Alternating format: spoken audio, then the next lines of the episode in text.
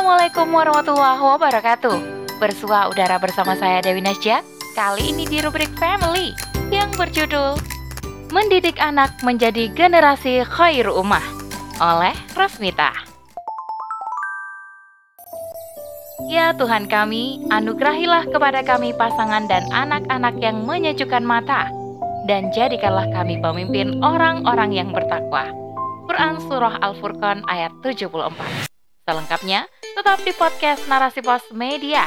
Narasi Pos, cerdas dalam literasi media, bijak menangkap peristiwa kunci.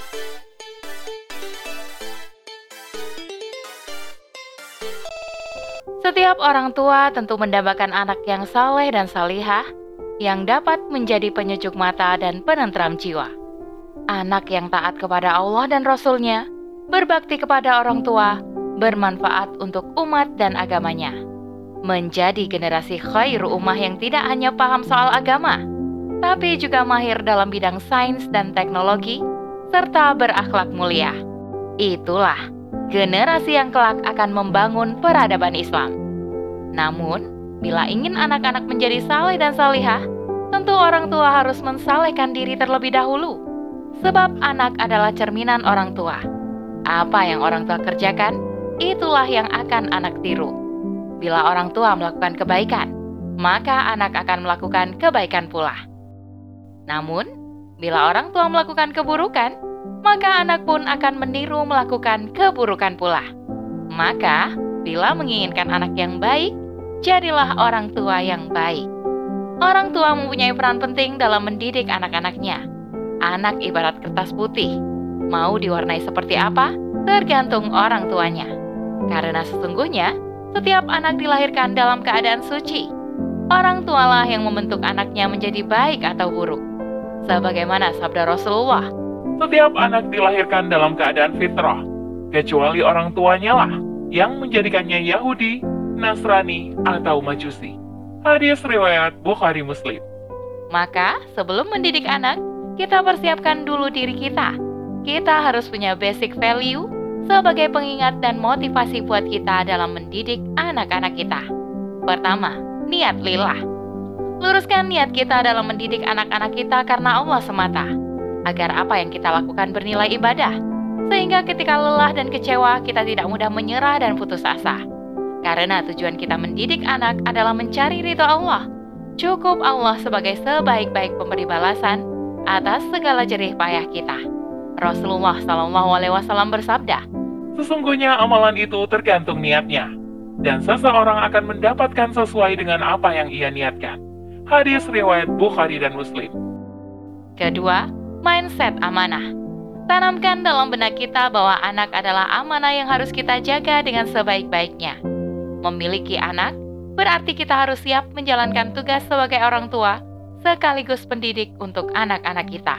Setiap anak adalah amanah bagi orang tuanya, setiap anak memiliki kolbu atau hati suci sebagai mutiara atau perhiasan yang berharga. Jika setiap anak dibiasakan dengan hal-hal yang baik, ia akan tumbuh dengan kebaikan dan kebahagiaan di dunia akhirat. Sebaliknya, jika dibiasakan berbuat yang tidak baik dan diterlantarkan pendidikannya seperti hewan, ia akan celaka dan merugi. Oleh karena itu, setiap anak harus dilindungi dengan cara mendidik, meluruskan, dan mengajarkannya akhlak yang baik. Imam Al-Ghazali. Ketiga, pahala jariah. Rasulullah bersabda, Jika seseorang meninggal dunia, maka terputuslah segala amalnya kecuali tiga perkara, yaitu sedekah jariah, ilmu yang bermanfaat, dan anak saleh yang mendoakannya.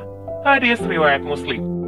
Hadis ini seharusnya bisa menjadi motivasi besar bagi orang tua untuk mendidik anak-anaknya agar menjadi anak yang saleh dan salihah karena anak-anak yang saleh dan salihah yang kelak akan mendoakannya menjadi pahala jariah yang tidak terputus untuk orang tuanya.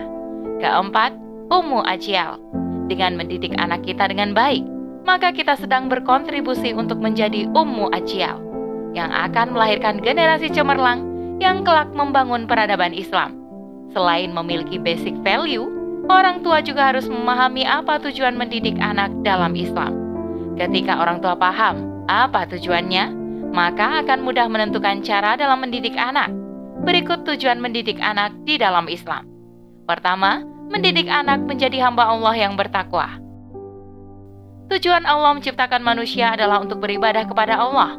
Sebagaimana firman Allah dalam Quran Surah Az-Zariyat ayat 56. Oleh karena itu, sebagai orang tua kita harus mendidik anak-anak kita agar menjadi hamba Allah yang bertakwa, yang taat kepada Allah, menjalani segala perintahnya, dan menjauhi segala larangannya. Kedua, menyiapkan anak menjadi pemimpin umat di masa depan. Allah menjadikan manusia sebagai khalifah di muka bumi Quran Surah Al-Baqarah ayat 30. Maka, kita persiapkan anak-anak kita agar mereka kelak bisa memimpin umat. Sebagaimana doa kita. Rabbana hablana min azwajina wa zurriyatina qurrata a'yun waj'alna lil muttaqina imama.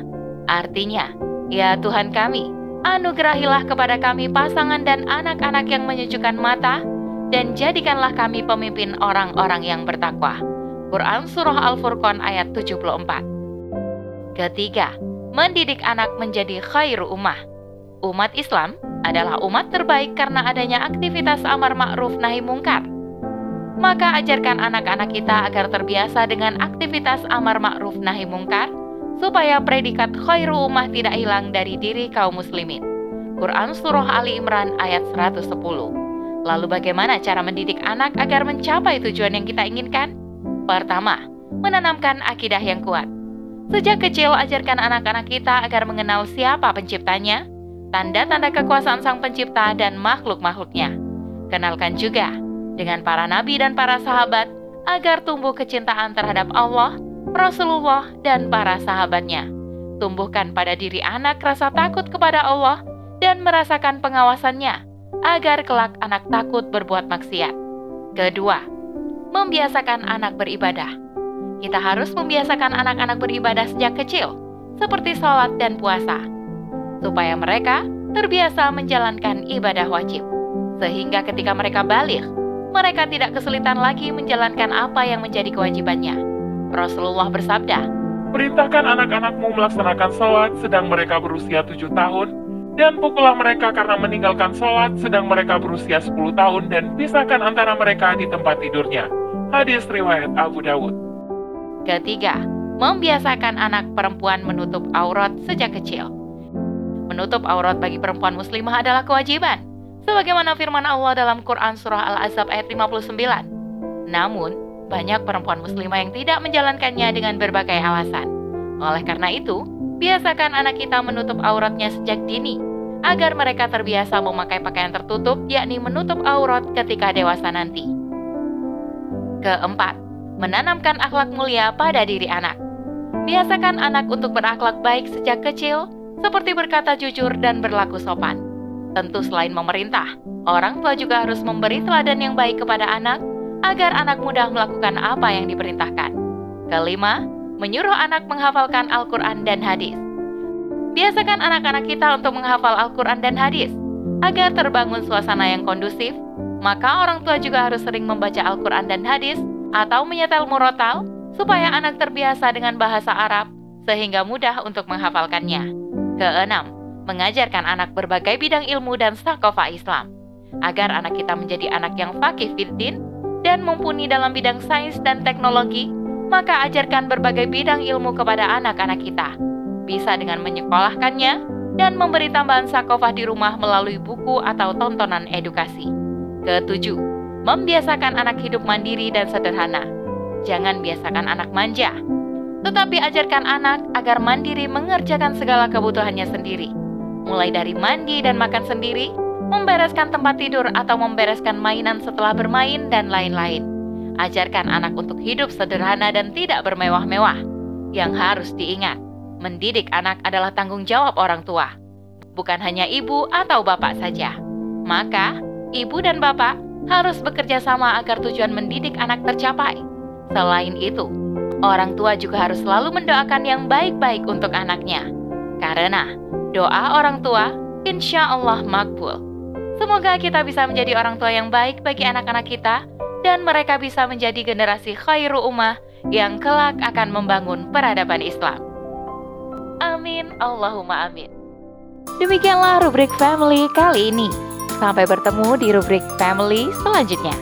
Saya Dewi Nasjak pamit undur diri.